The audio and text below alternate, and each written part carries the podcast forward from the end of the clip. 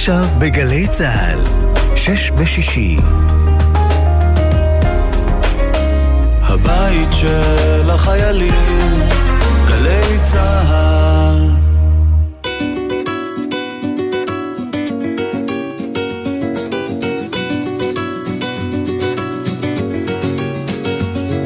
שלום לכם. יום שישי זה היום האהוב עליי ביותר בשבוע, והשעה שש בערב יום שישי היא השעה האהובה עליי יותר בשבוע. אז עכשיו אני כאן, בגלי צה"ל, שש בשישי, דני רובס הוא שמי. בדרך כלל אני משדר כאן בשעות אחרות ובזמנים אחרים, ושר כאן בכל מיני פורמטים כאלה ואחרים, דרך אלבומים ודרך הופעות ואחרים, והיום זה משהו אחר. משהו אחר הוא משמח. שש בשישי, שש הערות על השבוע שחלף, זה בעצם חמש הערות על השבוע הקודם, והערה אחת על השבוע הבא עלינו לטובה בשבוע הבא, וכרגיל בישראל היה שבוע משעמם, נטול אירועים, שקט, רגוע, אין על מה לדבר. אז אני בחרתי לכם כמה שירים מאוד מאוד יפים, שבעה שירים מאוד מאוד מאוד יפים, וסביבם אדבר על כל מיני דברים שעניינו אותי במשך השבוע הזה, זיכרונות שעלו בי, כל מיני דברים שחשבתי עליהם. יש קרדיטים לתת וצריך לתת אותם ובשמחה. אור מטלון ועומר נחום הם הטכנאים שדואגים שהכל יגיע לאוזניכם פריך וטעים ונעים ומלא שמחה ואור. יפעת גל היא העורכת, עומר נותקביץ' הוא המפיק, ואני דני רובס. תהנו.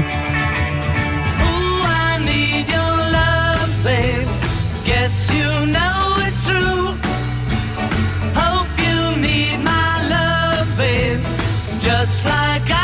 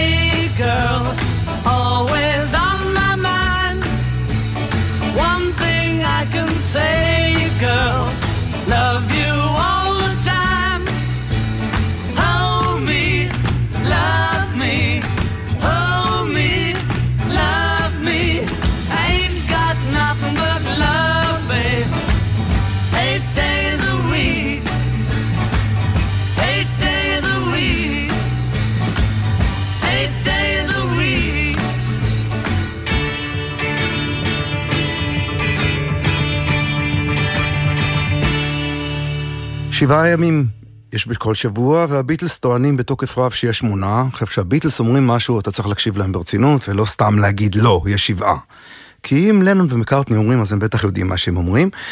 אבל יום שישי באמת שוב יום של אה, הערות ומחשבות, ומחשבות בינך ובין עצמך, ואני בתור בן אדם שאיננו מאמין במובן הדתי של המילה, אבל מאמין גדול במחשבה, בפילוסופיה, ברוח האדם, בחשבונות נפש, אעשה את זה השבוע בפניכם. הנה ליבי מונח בפניכם על השולחן.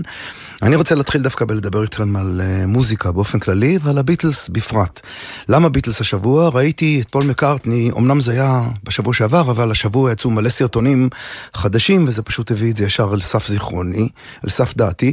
פול מקארטני הופיע השבוע במופע לזכרו של טיילור הוקינס, המתופף בוומבלי הענק, באיצטדיון העצום. טיילור הוקינס שהיה מתופף מקסים ואיש נהדר מהפו פייטרס. אה, נפטר, כל מיני נסיבות של שילובים לא מוצלחים של לחץ נפשי ושל כל מיני תרופות וסמים. הפו פייטרס ודייב גרול בראשם אירחו ממש ענקים, פול מקארטני, נואל גלגר, בריאן מיי, מלא מלא, קריסי היינד, המון אנשים נפלאים, וזה היה קונצרט אדיר של שש שעות. שאני אפילו שמעתי מישהו טוען השבוע שכאילו אפילו לאנשים גדולים מטיילור הוקינס לא עשו מופע שכזה, אבל זה לא העניין. העניין הוא המקום שבו מוזיקה בעצם משמשת לכולנו איזה מקום קולקטיבי לזיכרון ולתחושה שאנחנו יכולים דרך זה לאסוף אנשים יחד. אז שוב, דיברתי בהתחלה על אמונה ועל תפילה, ויום שישי אנשים מתפללים בבתי כנסת, ואני תפילתי מול מוזיקה, תמיד. אנשים ששרים זה בדרך כלל בהופעות שבהם אני מופיע ואנשים שרים איתי, אבל הרבה פעמים כשאני לא מופיע ביום שישי, אז אני נוסע על הופעות של אחרים, ואז אני רואה ועומד ושר במקהלה גדולה את התפילה של המילים שכתבו כל מיני אנשים שכתבו את נפשי ואת ליבי ואת uh, כל מה שאני מרגיש דרך מוזיקה, דרך מילים. ולמוזיקה יש כוח אדיר במקום הזה. לשירים יש איזה קצה מחודד כזה שעובר את כל הגדרות המחושמלים שיש לנו סביב הלב, את כל הכלבי שמירה ששומרים לנו על הנפש. שירים נכנסים לתוך הכספת הכי סודית שלנו, לוחצים על הקוד שרק אנחנו יודעים, ומעלים משם באמת את כל הזיכרונות והאובדנים והשמחות והכאבים והריח של החולצה של האיש שעזבה והתיק ההוא מהמילואים והדברים האלה ששירים עושים. אתם כולכם מכירים את ההרגשה של לנסוע באוטו ולשמוע שיר מלפני 20 שנה, תשמעו במהלך התוכנית כמה כאלה דרך אגב, גם חדשים יותר, אבל גם כמה כאלה מלפני 20 שנה, ולזכור איפה הייתם בדיוק באותו רגע ומה היה הריח סביבכם ואיזה נעליים לבשתם. זה הכוח של שירים. אז מקארטני, דרך אגב, בהופעה הזאת של טיילור הוקינס, אה, ניסה להתמודד עם Oh Darling מ Abbey Road המופתי, וזה שיר באמת משוכה מאוד גבוהה לאיש בן 80, שאומנם מסתובב ושר נפלא בכל העולם, אבל Oh Darling בקושי בזמנו הוא הצליח להתמודד איתו. הוא הקליט אותו עשרות פעמים עד שהוא הצליח סוף סוף להגיע לביצוע הנכון. אז הוא מתמודד איתו בחן רע ועם התחושה שהקצוות חרוכים שם אצל מקארטני, האיש והאגדה. אבל ברגע שה... המשפטים האלה, Oh darling, please believe me, I'll never do you no harm, כזה סביב הגיטרות הבלוזיות מנגנות והבאס והתופים, אז משהו מתמלא בשמחה וברוך בתוך הלב ובתחושה הנוחה היא שהעולם בסדר, שעם כל הבלגן שיש מסביב, עם כל הצרות וכל הבעיות, משהו בסדר, יש איזה בסיס, והבסיס הזה תמיד נמצא והוא תמיד עומד. תודה רבה לך מקארטני על כל השנים האלה ועוד שנים ארוכות.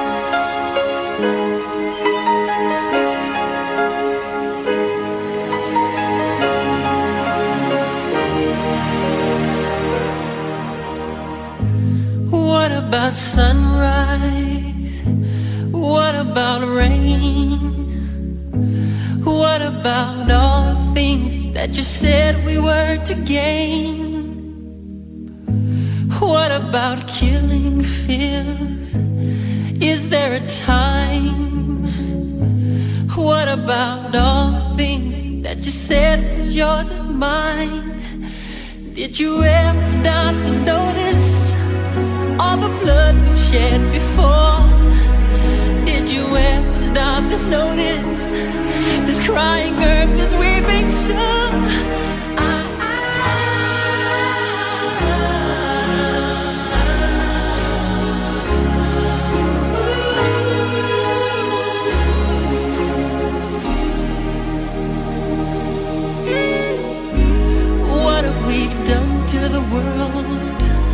Look what we've done. What about all the peace that you pledged your only son? What about flowering fields? Is there a time? What about all the dreams that you said was yours and mine? Did you ever stop to notice all the children dead from war? now to notice this crying earth as we make sure.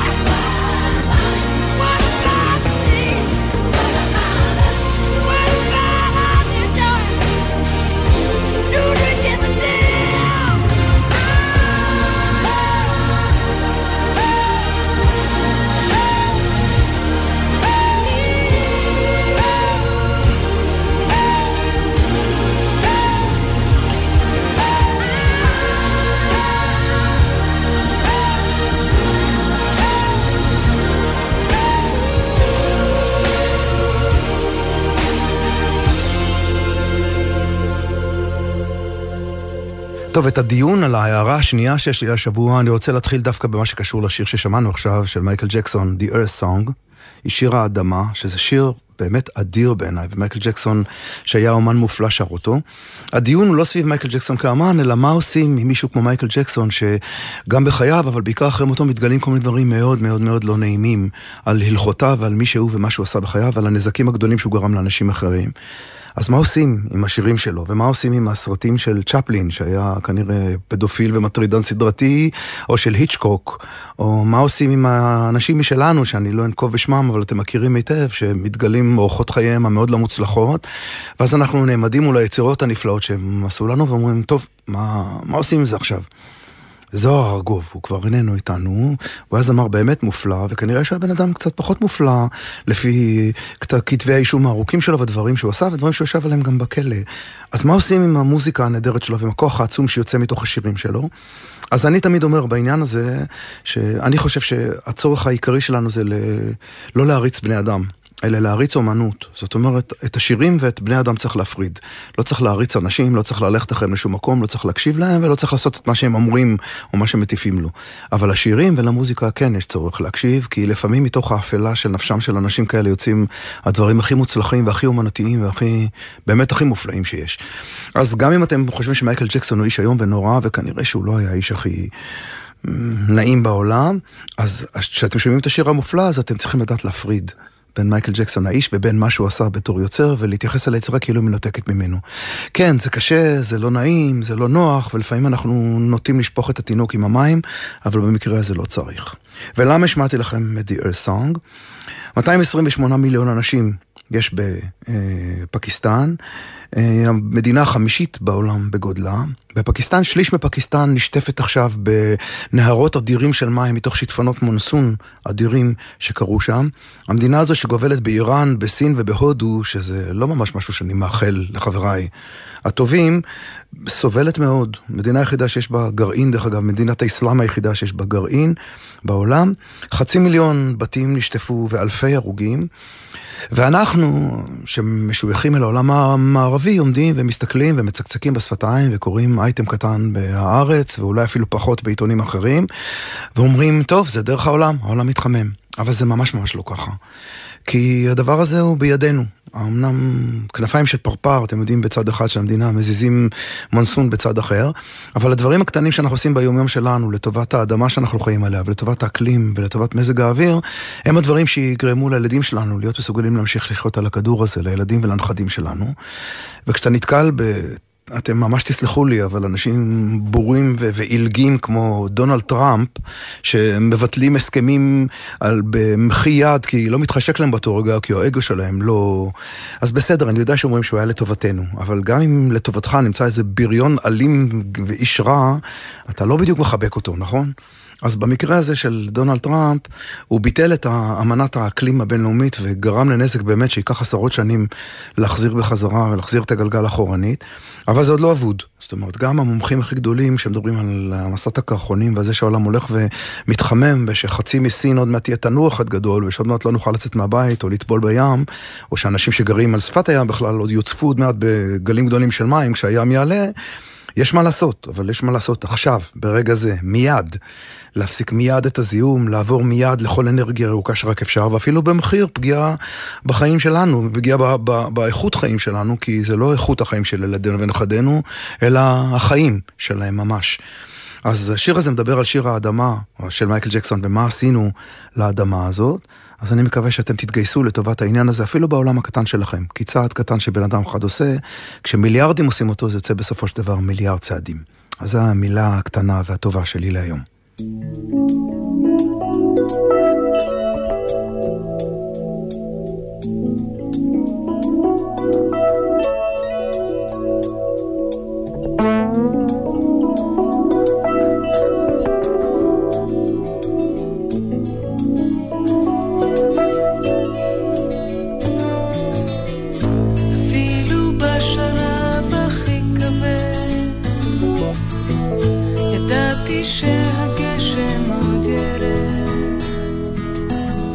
ראיתי בחלון שלי ציפור, אפילו במשב סופה בקור.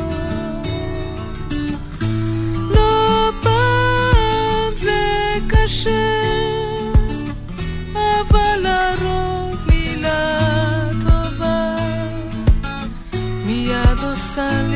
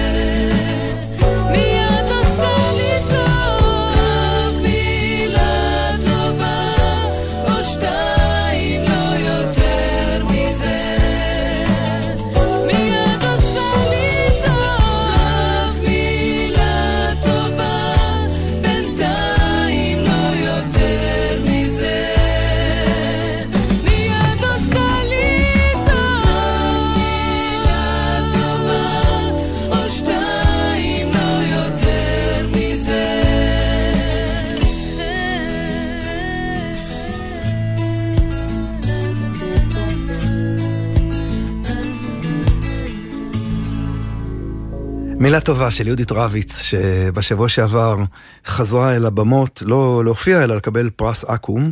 אני ישבתי בוועדה של אקו"ם לפני שנתיים או שלוש שנים, שנורא רצתה לתת לה את הפרס, והיא לא רצתה לקחת אותו, היא פשוט סירבה לקבל אותו, והשנה משהו בה התרצה לשמחתי הגדולה, והיא עלתה ודיברה ודיברה על פחד הבמה שלה, והייתה אמיתית ואמיצה וכנה מאוד. זה שימח אותי מאוד. השיר הזה מדבר על מילה טובה, שרק מילה טובה או שתיים, לא יותר מזה, פשוט עושות טוב. אני זוכר פעם סרט שראיתי שקראו לו pass it forward נדמה לי, על זה שכשאנשים עושים מעשה טוב, אז הדבר הטוב הזה עובר מאחד לשני, ואיזה משהו, איזה גל גדול של טוב, נהיה מין כדור שלג כזה של טוב. עכשיו, למה אני מספר לכם את הדבר הזה? אנחנו טובלים בעיניי בים של בינוניות ווולגריות מחרידה פשוט. וזה מתבטא במלא מלא מקומות שהם כאילו המקומות הדגל שלנו, הסלון שלנו. כל מיני גמרי תוכניות טלוויזיה של ריאליטי שבהם אנשים מקללים אחד את השני, אנשים בורים ועילגים באמת. בחלקם, אנשים רעי נפש שהם רק מתחכים ומנסים לפגוע אחד בשני, נאבקים על איזשהו פרס שבו כאילו אם אתה מצליח לתחך ולהיות הכי תחמן והכי גרוע מכולם והכי מניפולטור, אז אתה זוכה. וזה נכון לא רק בתוכניות טלוויזיה וריאליטי, אלא גם, גם בפוליטיקה ובמלא מלא דברים אחרים, ואותי זה מוציא מכליי. בתור בן אדם ששוחר טוב בסופו של דבר, וליברל והומניסט, וזה בן אדם שמאמין בשוויון ובעשייה טוב ובנדיבות, יש משהו מכוער ביותר בעולם הזה. ואני רוצה לספר לכם סיפור קטן לפני שאני אשמיע לכם את השיר הבא שקשור למילה טובה של יהודית רביץ ולחיי בתור ילד. אני הייתי ילד בן 11 בערך ברחובות ורק למדתי לנגן בגיטרה.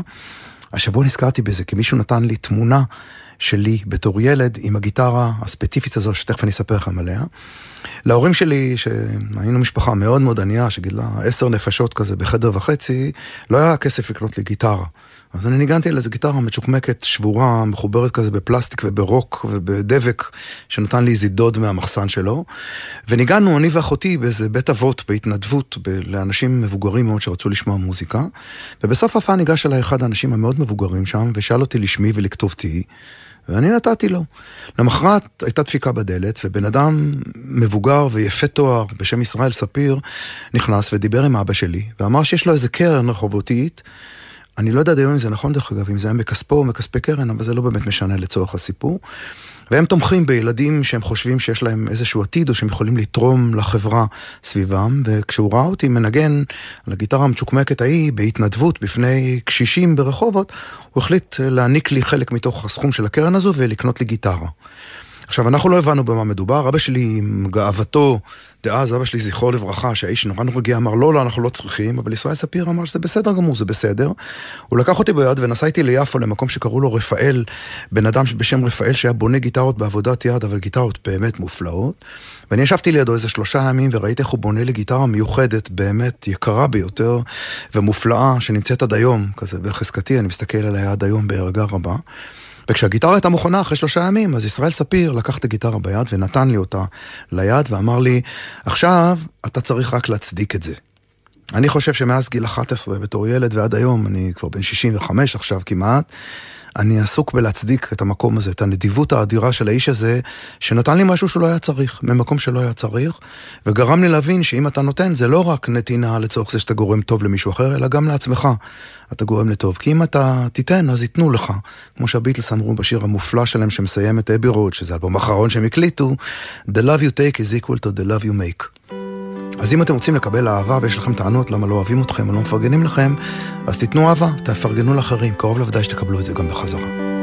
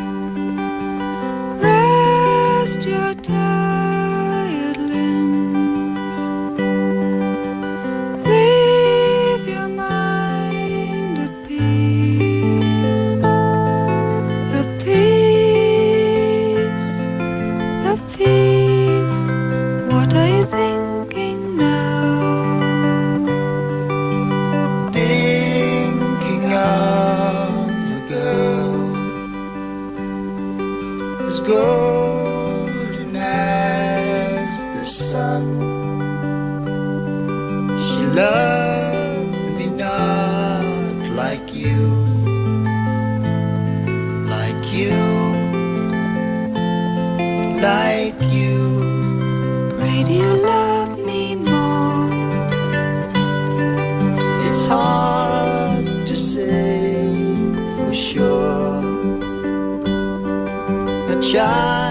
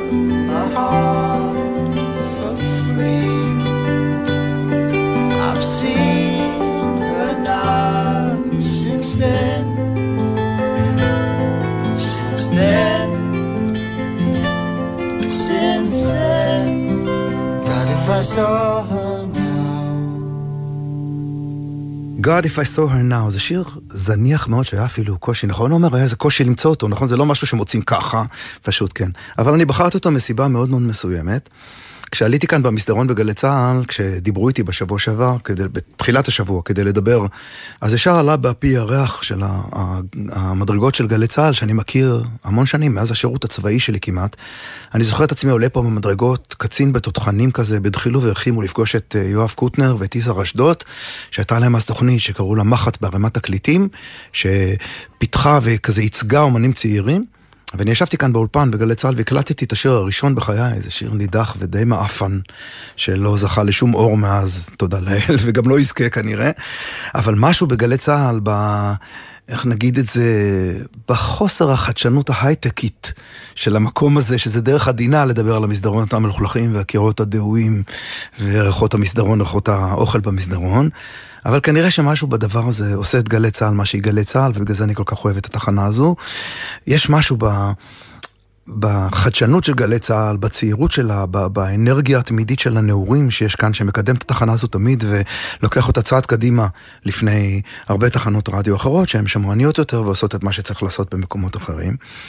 יואב קוטנר ואני, בעקבות המפגש ההוא כאן בגלי צה"ל, נעשינו חברים מאוד מאוד טובים, וחברים טובים זה ממש לבקר אחד בבתים של השני, ובעיקר אני אצלו עם התקליטייה של אלפי התקליטים הענקיים שהיו אצלו אז, ואני הייתי נובר בתקליטייה שעות ומוצא כל מיני דברים, ולומד ממנו בשקיקה כזה, כמו תלמיד שלומד מרבו על המון מוזיקאים שלא הכרתי, ועל המון סיפורים מאחורי שירים שלא הכרתי, ומשם אני חושב באה אליי התשוקה הגדולה הזו, אל, לא רק אל שירים, זה תמיד היה, אלא לסיפורים שמאחוריהם, איך להביא את הסיפורים שמאחורי השיר. אז אה, אנטוני פיליפס, שקשור לג'נסיס ולפיל קולינס, ששר גם בשיר הזה, הקליט את השיר הקטן והפשוט והמתוק הזה נורא, כזה לאלבום סולו שלו, שלא קשור לג'נסיס בשום דרך שהיא, ומשהו ביופי של השיר הזה ובהולכה שלו שובה את ליבי, ועדיין זה שיר מקסים בעיניי, למרות שלא הרבה מכירים אותו. הנה, יש לכם הזדמנות ש... אה, להקשיב לו. ומשהו ב-God If I saw her now גרם ליואב קוטנר, שיש לו אמנם שירים מופלאים משלו, כמו האיש הקטן מהרדיו ומהפכה, אבל איך נגיד את זה בעדינות? ברשימת היוצרים של אקו"ם הוא לא בעשירייה הפותחת, למרות שהוא קיבל פרס אקו"ם לא מזמן על תרומתו לזמר העברי ובצדק רב, טוב שכך. אז כתב מילים עבריות לשיר הזה, ל-God If I saw her now, ואני שרתי אותם באיזה ביצוע סקיצה כזאת עם גיטרה שלא, שוב, לא יצא מעולם ולא קרה איתה כלום, אבל אני למדתי משהו על הדרך שבה מילים נכנסות לתוך מגינה, ועל הדרך שבה אתה יכול לתרגם רוח של שיר בלי לתרגם גם במדויק את המילים שלו. אז זה שיר נורא יפה, God If I saw her now, וישן נורא ונידח נורא. אז זה כיף לשמוע אותו עוד פעם מחדש, ותודה לך קוטנר, מורי ורבי, על כל אשר נתת, כמו שאומר השיר הידוע.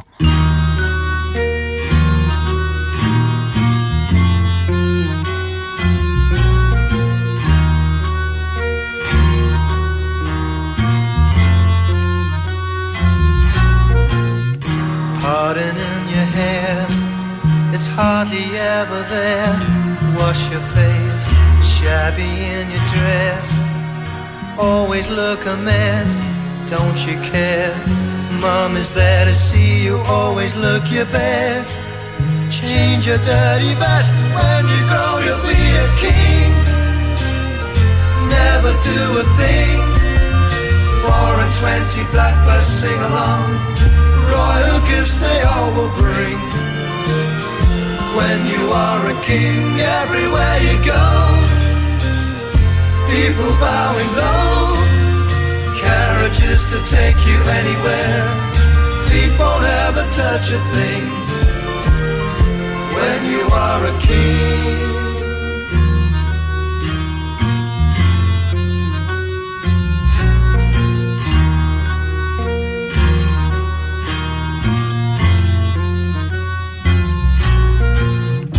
Tore your shirt again, fighting in the rain with what's his name? Shoe black on your face, you're really a disgrace. Mommy smiles and all the while because she loves you, she will worry so. And if you're good, you know that when you grow, you'll be a king. Never do a thing. Four and twenty blackbirds sing along. Royal gifts they all will bring when you are a king everywhere you go. People bowing low, carriages to take you anywhere. Feet won't ever touch a thing when you are a king. When you are a king, never do a thing. Four and twenty blackbirds sing along, royal gifts they all will bring. When you are a king, everywhere you go, people bowing low, carriages to take you anywhere. Feet won't ever touch a thing. When you are a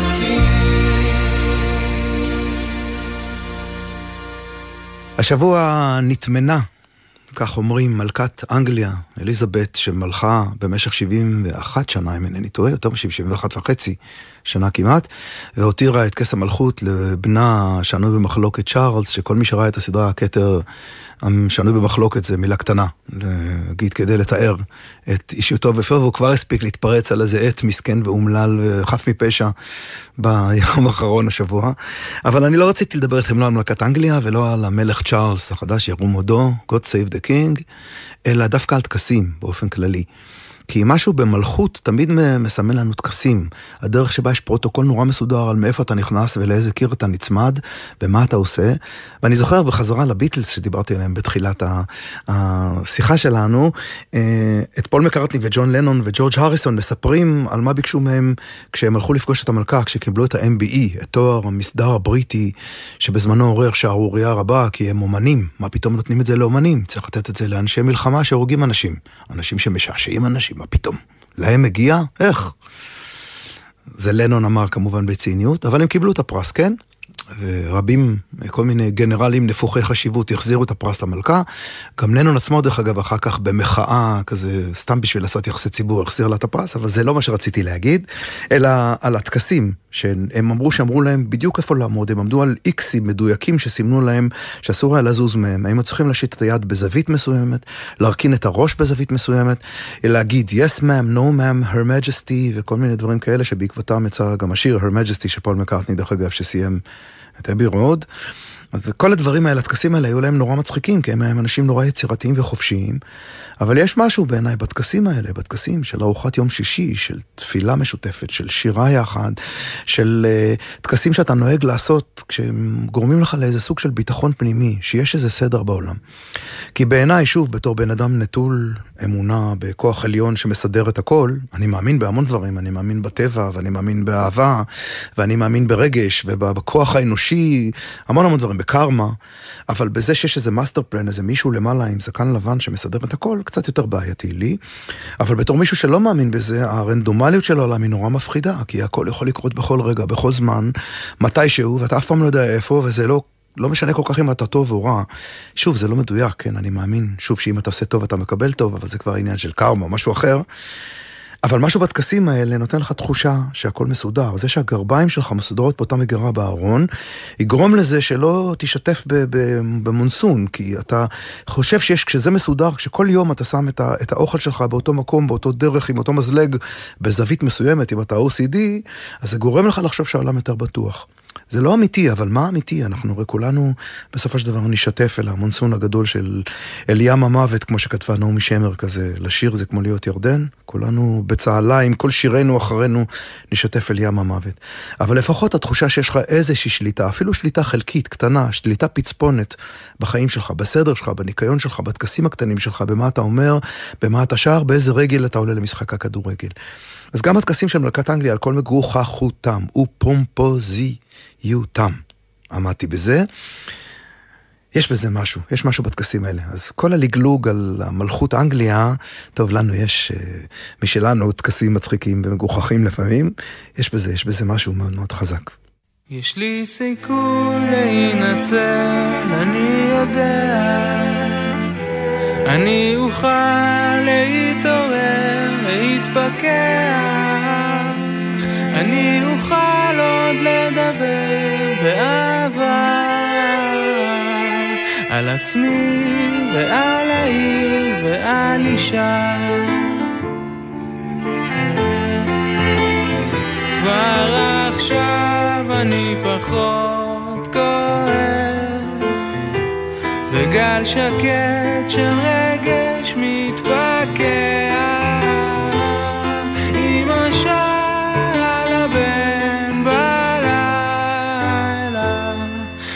כאן לידך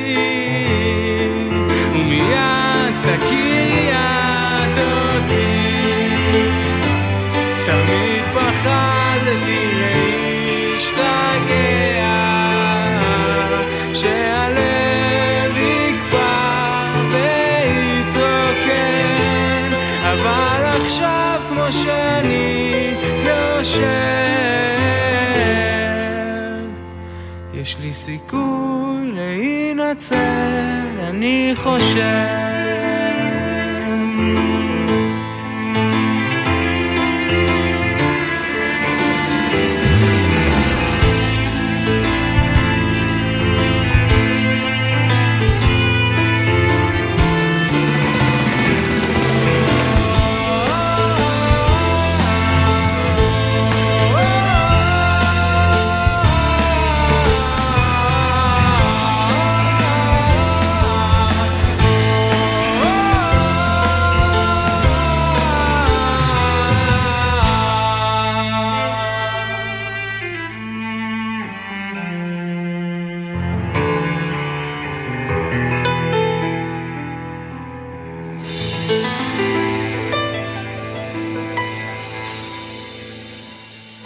זהו, כך חולפת לה תהילת עולם, וכך עוברת לה שעה קצרה מאוד. יש המון מה להגיד על העולם ועל המצב, ואני לא שתקן גדול. יש לי דעה על כל דבר, ואני שמח לחלוק אותה איתכם, ואני מקווה שגם אם אתם לא מסכימים איתי, אתם תנהגו לא כמנהג ישראלי מצוי, אלא תקשיבו ותגידו, טוב, לא מסכים איתו, אבל זה בסדר גמור, יש לו דעה משלו, ולא, הוא בוגד, הוא נוכל, הוא שמאלן, הוא ליברל, הוא פרוגרסיב, חלילה, רחמנא ליצלן. off with his head, כמו שאומרים. לא צריך. אפשר להקשיב למישהו שדעתו שונה משלך לחלוטין, אפילו אם אתה חושב שהיא מסכנת את אה, קיומך כמדינה, אתה יכול להקשיב ולהגיד ולהבין שאנשים חושבים אחרת ממך ו... אתה יודע, הצדק הוא לא תמיד מוחלט. אז אנחנו, אני בחרתי דווקא להגיד משהו נורא נורא כללי לקראת השבוע הבא, בהערה השישית, משהו שקשור לאופטימיות. כי אני באמת מאלה שמאמינים שאופטימיות היא לא רק אה, גישה מסוימת, אלא שהיא באמת דרך חיים ושהיא משהו שיכול להוסיף המון, גם לחיינו וגם לבריאות שלנו. הסטטיסטיקה והמחקרים המדעיים מראים שאנשים אופטימיים ואנשים שמסתכלים בצורה חיובית על העולם חיים יותר שנים, שמחים יותר וגם גורמים יותר עונג לאנשים שסביבם. אז אני, בחזרה למקום ההוא של pass it forward, של מקודם, של לעשות טוב לאנשים שסביבך, מאחל לכם שאתם תעשו הרבה טוב לאנשים שסביבכם במהלך השבוע הבא, ותסתכלו בצורה אופטימית על העולם שאתם נמצאים בו, כי זו דרך פשוט נהדרת. אבא שלי היה תמיד אומר שההבדל בין אופטימי ופסימי זה ששניהם יגיעו בסופו של דבר אל האסון יחד, אבל האופטימי לפחות עד האסון ייהנה מאיזושהי תקווה, והפסימי יסבול כל הדרך, גם פה וגם באסון.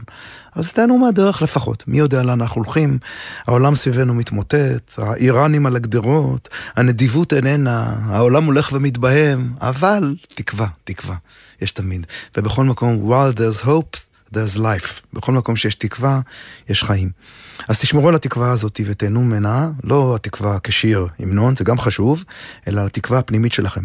בעיקר תאירו פנים לעולם שסביבכם ותחשבו מכל מקום, בכל דבר, בכל מקום שאתם עושים, איך אתם עושים יותר טוב. לעולם שסביבכם, ושוב, זה לא בשבילם ולא בשביל להראות ולא בשביל להיות, אלא בשבילכם. זה יעשה אתכם אנשים יותר טובים, זה יעשה את העולם סביבכם יותר טוב.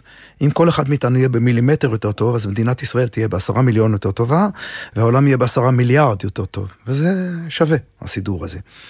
אז תודה רבה על המיקרופון שפתחתם לי בצורה מופקרת כל כך להגיד את כל מה שרציתי על השבוע הזה האחרון. אור מטלון ועומר נחום היו הטכנאים, יפעת גלר הייתה העורכת, המפיק הוא עומר נותקביץ'. תודה רבה לכם, אני הייתי דני רובס כאן מאחורי המיקרופון, ושתהיה לכם שבת קסומה ונהדרת וחיים טובים באופן כללי. תודה רבה.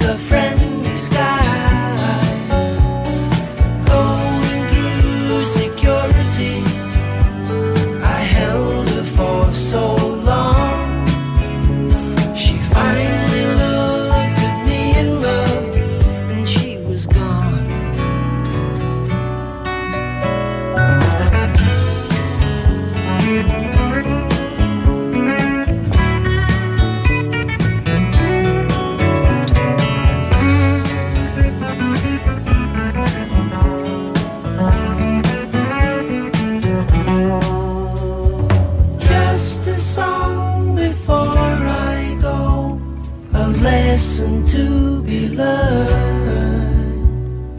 Traveling twice the speed of sound, it's easy to get burned.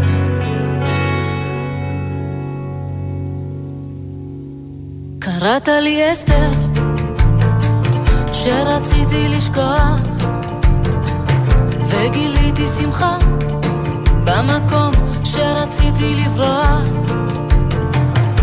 קראת לי אסתר, ועינך דממה. שנינו למדנו באותה שממה. אמרת לי אסתר, הפסקתי לדהור, ואת כל המרחק לא יכול לחזור. במקום שהכרת יש בורות עמוקים, הצמחתי כנפיים, ואין לי פנים.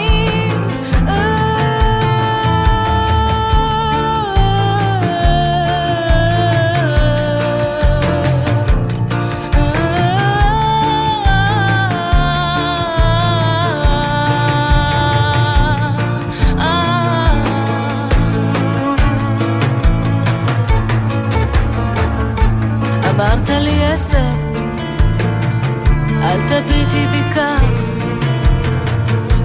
שנינו יודעים, אז בואי נשכח. תמשיכי ללכת, אלוהים איתך, אני פה נרדם, אותי הוא שכח.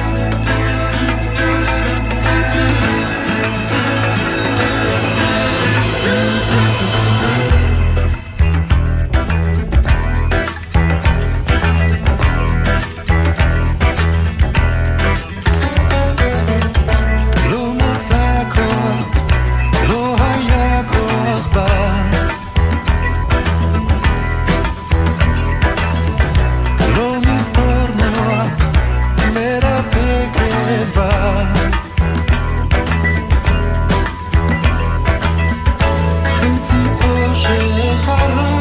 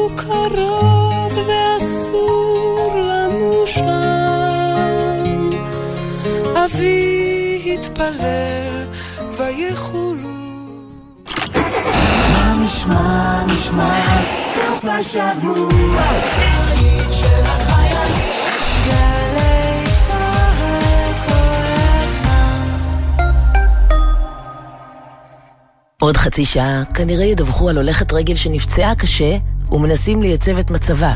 עוד חצי שעה יפרטו כי הסיבה היא נהגת שדעתה הוסחה. אז יש לך חצי שעה לוודא שהנהגת הזאת לא תהיה את. שמרי על ערנות, ובקרבת מעבר חצייה, האתי ותני זכות קדימה למי שחוצה.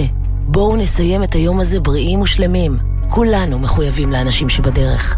הרלב"ד